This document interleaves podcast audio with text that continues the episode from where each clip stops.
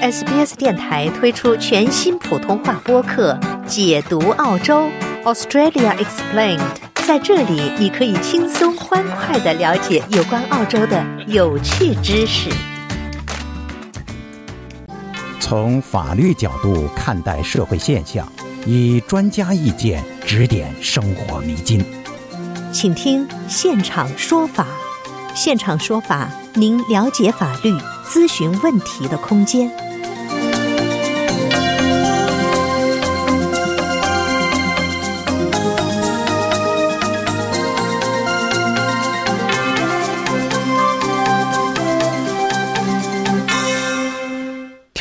欢迎您继续收听 SBS 广播中文普通话节目，每周二为您带来的现场说法听众热线节目。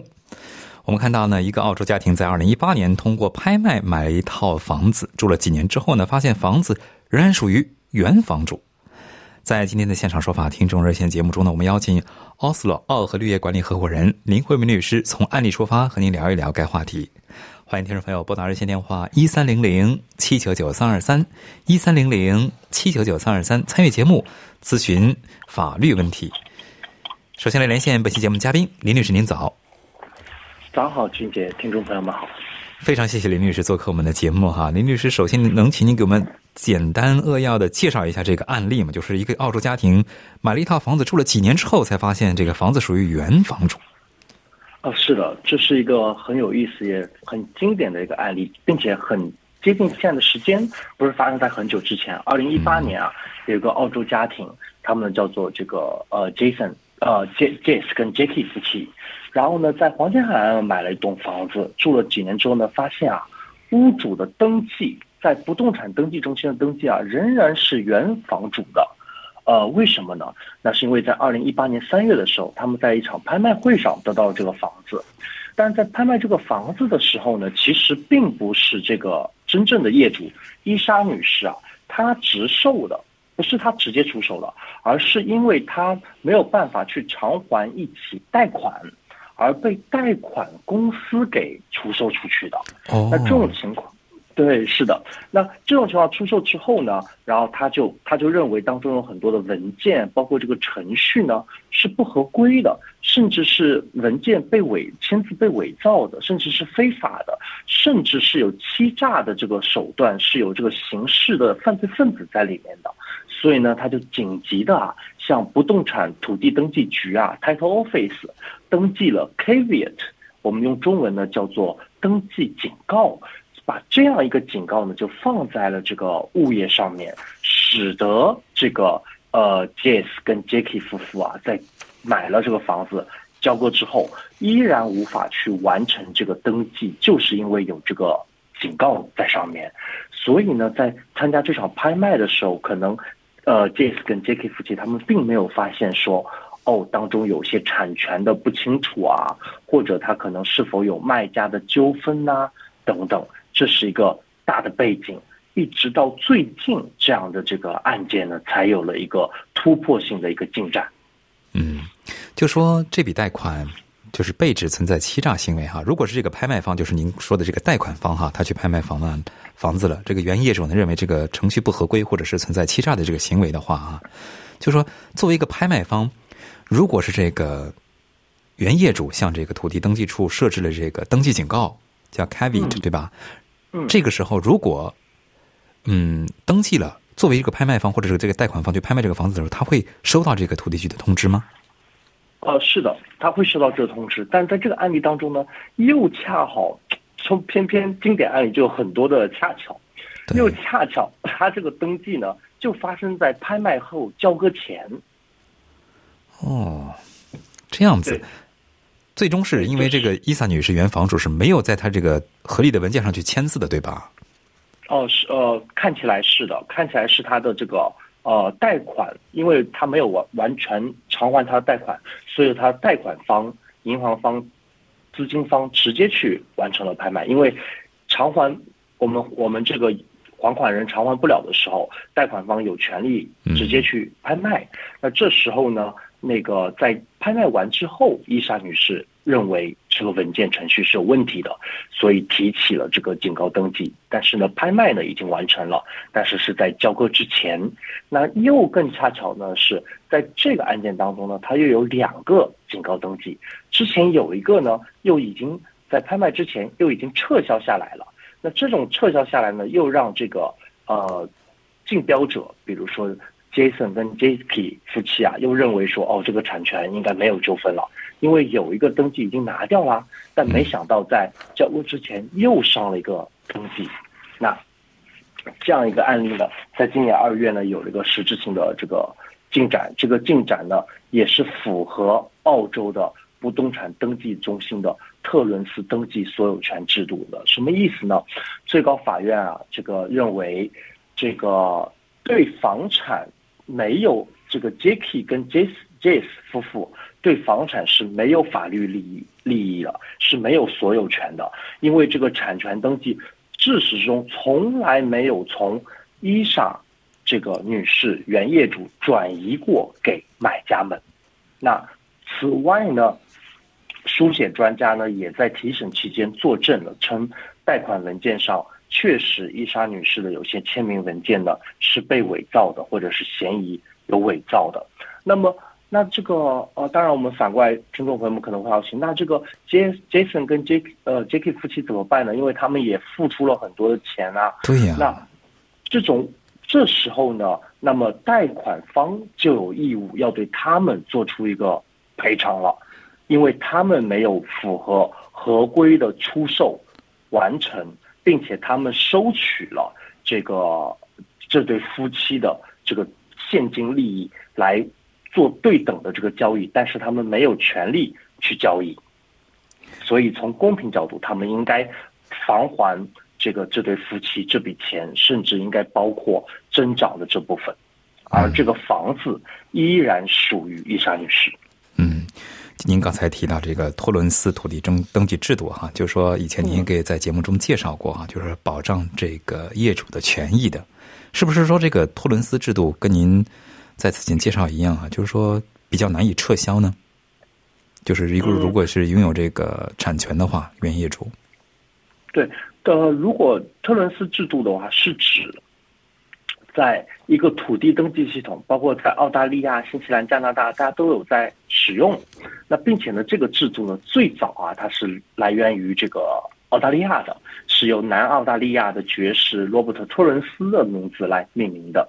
由五零年开始就使用了，在这种制度下呢，土地的所有权和产权登记呢是在政府机构上进行的，也就是说，所有的这个登土地的所有者或者相关的权利都应该在一个部门进行登记。登记之后，这种产权会被认为是有效并具有约束力的。产权呢，有原则上是有不可撤销性的，像您刚才说到的，除非它面临一项挑战。并且这项挑战受到了法院的支持，那从而又改变了在政府的登记，一切的一切以政府的登记为准，就算交易了，但是依然没有登记，那么这个产权依然属于这个原登记方，嗯，登记在案的那一方，所以登记是最最终真正交易最关键、最核心、最终的那一步。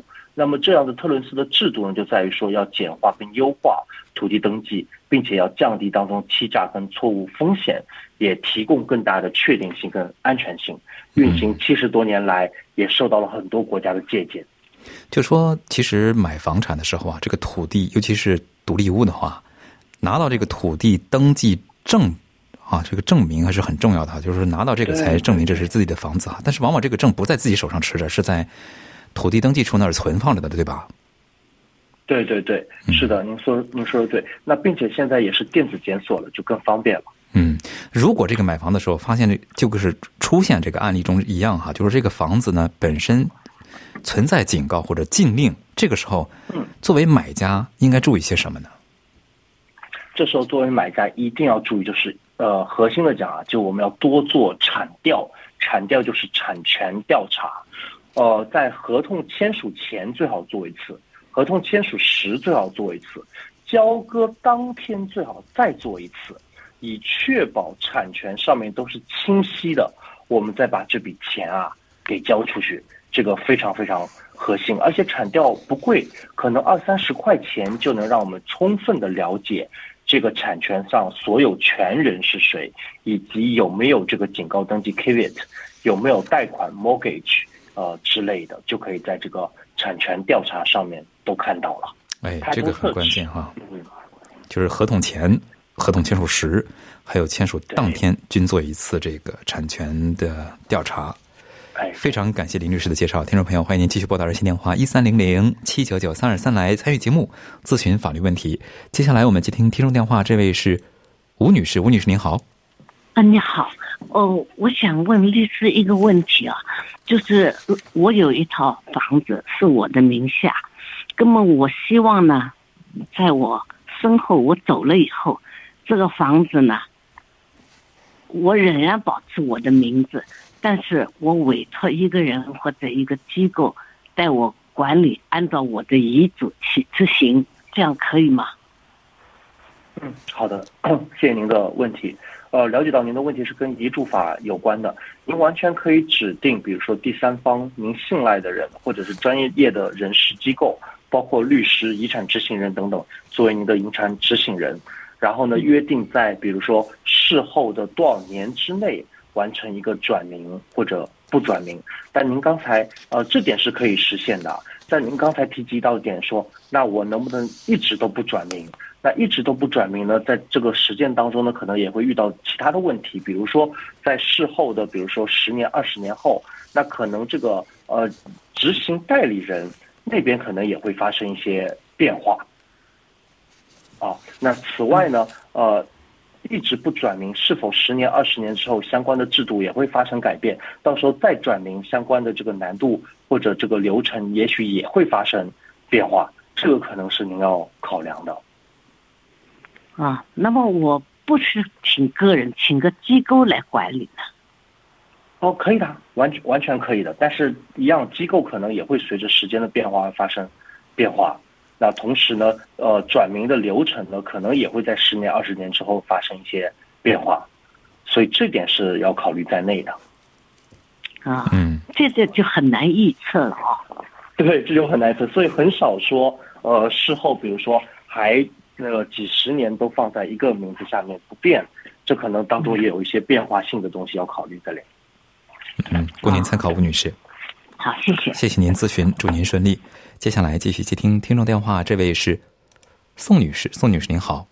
哎，你好。你好。呃，那个林林律师，谢谢主持人好。呃，我我有两个问题，一个问题就是上个星期，呃，康首批出了一呃一户人家把一块地分成两块地，那么其中一块地造房子的时候呢，必须用，呃另另另外一户人家的 driveway，还还有一户人家的那个 storm water，在二十呃呃康首说在二十呃二十四个月里面必须拿出这两个证明，他才可以执行。那么其中现在呢，他一呃一户人家呢已经同意了，他给他钱，他就让他用他的 driveway。另外一户人家那个 storm water 呢，他坚决不给他用。然后呢，这户人家呢，他说要上呃上法院，就是那个要要。现在我就想，第一个问题呢，就是如果上法院的话，这个法院会会不会逼迫另另外一户人家给他用这个 storm water？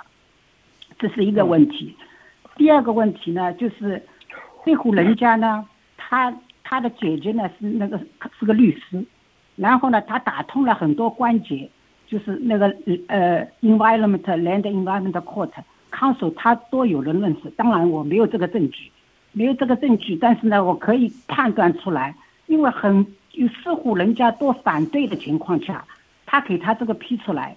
旁边很多人家这个条件都比他好，都给拒拒掉了，他就给他签出来呃批出来了。那么如果我们怎么样再去呃 complain 那个康署或者在 appeal 这个 environment court，就是我们在跟他打官跟 council 打官司来阻止他这个呢？就这个两个问题。好的，谢谢您，傅女士。您这两个问题是关于这个呃。分割产分割以及相关的这个对附近的影响，包括您讲到的这个环境法庭、规划环境法庭所相关的案例。那么回答一下您的两个问题。第一个问题，您讲到说，呃，第一个问题是跟 easement 有关，也就是说，当我的邻居要用到我的一些产权上的一些资源跟利益的时候，我是否有权利去拒绝，或是否我可以要求一些补偿，然后再同意？那完全可以。那么就算是这个拿到了 subdivision 这个决定的这一户人家要分割的人家去法庭要告邻居说。邻居不给我 stormwater，使得我不能继续开发的话，我也不认为法庭会就是 order，就是说呃强迫这个邻居说你一定要给他水，并且你一定要以这个价格。我能讲的是，呃，上法庭也许可以让邻居拿到比现在更高的这个补偿的情况下，在自己同意把这样的 stormwater 呃的资源给分享出去。而不是在他也认为这个呃被胁迫或者被命令的角度，然后再把这个 water 给出去，这也是我们今天的这个呃主题当中讲的这个登记制度，包括他的这个私有制财产不受这个侵犯，当中就是他的 easement，他完全也可以拒绝，也可以有权利这个拿到一定的补偿之后再接受。这是回答您的第一个问题。您的第二个问题是呃。他的这个拿到 subdivision 的这一户人家的姐姐是律师，那您担您有相关的这个推测，他可能打通了一些呃关节网络，使得他更加容易拿到了这样的这个呃决定，反而自己身边其他的邻居却没有拿到。那这种情况下呢，首先呢，我我们与其去证明他打通了这些关节，有可能存在一些不合规的程序。不如同时或者更大的精力去证明他们的这个决定是对隔壁的邻居们造成了不合规的影响的。此外呢，不呃给予他分割，但不给予其他邻居分割是存在不公平的决定的。证明这两点也许会更容易且更直接。那这样子的话呢，呃是有机会去向这个法庭，并且向这个这个邻居去施压。表示他们的这个分割方案是呃对我们周边啊产生了不利影响的，从而应该要被 review 的啊，冯女士。嗯，供您参考，冯女士。哦，那那就就是我现在就是那个应应呃那个现在第一步我怎么样去告这个康署呢？我直接去呃去那个 environment court，还是就是我先写一封投诉信写到那个管康署的那个。他们说是 local government。嗯，对，我的建议您可能还是先，如果您之前没有试过这个写信的话，这样子友好交交流的话，或者通过这样的渠道去申诉的话，先通过这样的渠道，这样渠道呃力度不大或者太慢了，然后再考虑可能的诉讼。哦，再考虑的诉讼，那就是如呃还那个 storm water 的话，就是如。他给最再高的钱也也就也不要他的钱，就是坚决不同意，这个肯定没问题的是吧？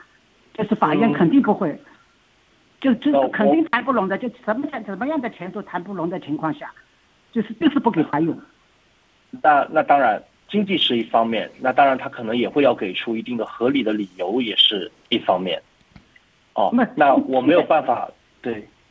哦，因为现在我们担心，因为康首批给他了，他们说他康首批给他了，就对上法庭的话对他有利。就是你这个 storm water，毕竟他们说不是很硬，还是个 easement，就是怕这一点就打。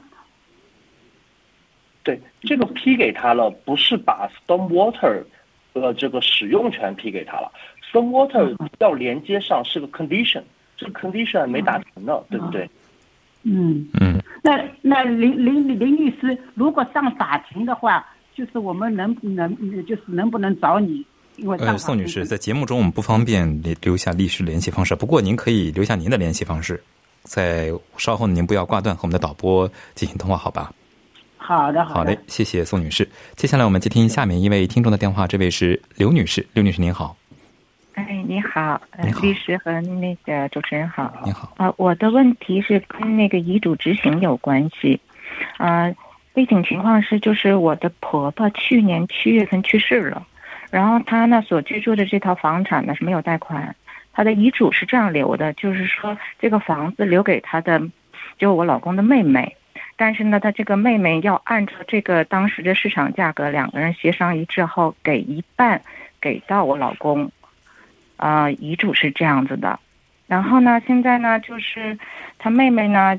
就是我第一个问题就是，他妹妹既是受益人，同时也是这个遗嘱的执行人。这个在，呃，我是在昆士兰州，这个是合理的吗？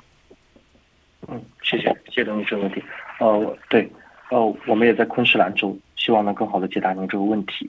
那蛮多的这个案件当中，并且是比如说小家庭这个资产不重的这个轻资产的案件当中，确实会出现这个受益人也是执行人的。因为这样的这个流程可能会更简便，并且费用也会更低。那如果您觉得妹妹在执行过程当中，她是存在不公，或者她是存在这个没有为了这个逝者的这个遗嘱的意愿去执行的话，那也可以提出这个提出这个诉讼，呃，遗嘱遗嘱纠纷诉讼的，要去换掉这个执行人。啊，这是第二个问题，就是说他是去把这个遗嘱到法院去做了认证。那这个认证呢？他是九月份去做的，然后十一月一号通知我们说，那个法院的认证已经通过了。那就是我对这个法院的认证的理解是，就是说他要公示一下，要所有有相关利益人知道这个遗嘱，然后在这个期间对这个遗嘱提出异议，如果有异议的话，那这个时间的话是多长时间？是到十一月一号他就拿到了这个，呃，法院的认证书，就证明这个时间已经过掉了吗？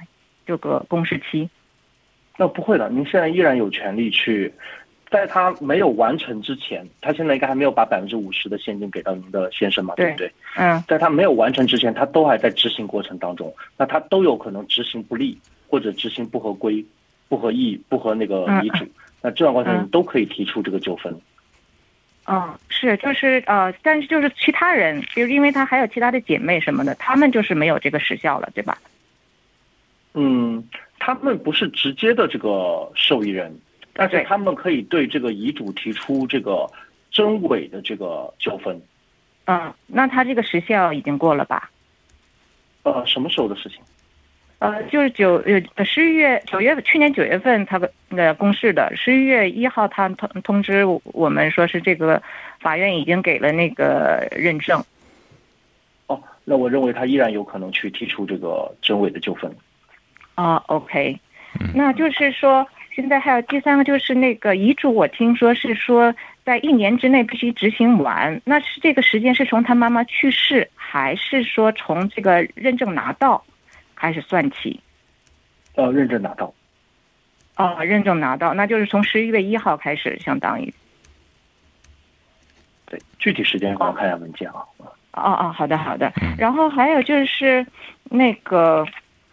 他现在他妹妹因为呃，就是因为他不是很合理的处理，因从十一月开始一直到现在，他给出的在这期间发生一个事，就是说这个房产，假如说是一百万，他跟呃我我我我老公就是说这个房子只值六十万，那么就是他肯定是存在不合理嘛。然后我们也咨询了律师，然后呢就是希望能找到一个专业的评估师来去评估，他呢说是这个是个流程，他。最初的时候，在九月份曾经拿了一个 agent 的那个评估报告，说六十万这样子，但他现在就在等，就是说他就是说现在他说那这个不谈这事儿了嘛，因为我们有异议嘛，他就是说等到那个这个遗嘱认证完以后，这是个流程，等到我们要去做专业评估的时候，我再通知你。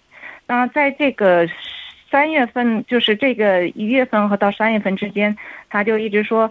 他说：“我告诉过你，就是在七月份的时候，妈妈去世的时候，他做了一个这个房屋的全部的一个评估，建筑评估，然后说这个房子需要大修，呃，但实际上这个房子没有，他们住在里头呢，这个房子状况还很好。但他就是说，因为有这个建筑报告，他现在在等那个 builder 的 quarter，就是给他报价，说这个维修这个房子要花多少钱。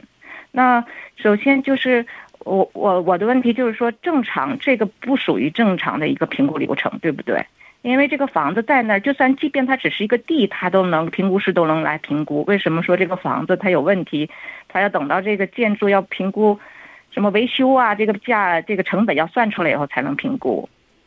嗯，对，我们可以去评估一个条件比较差的、没有被修好的房子，双方如果愿意以这个金额去合意，并且去这个百分之五十给您的先生的话，也可以，不一定要要求他去完全的修复好，除非在遗嘱里面有写说房子要到达那种状态。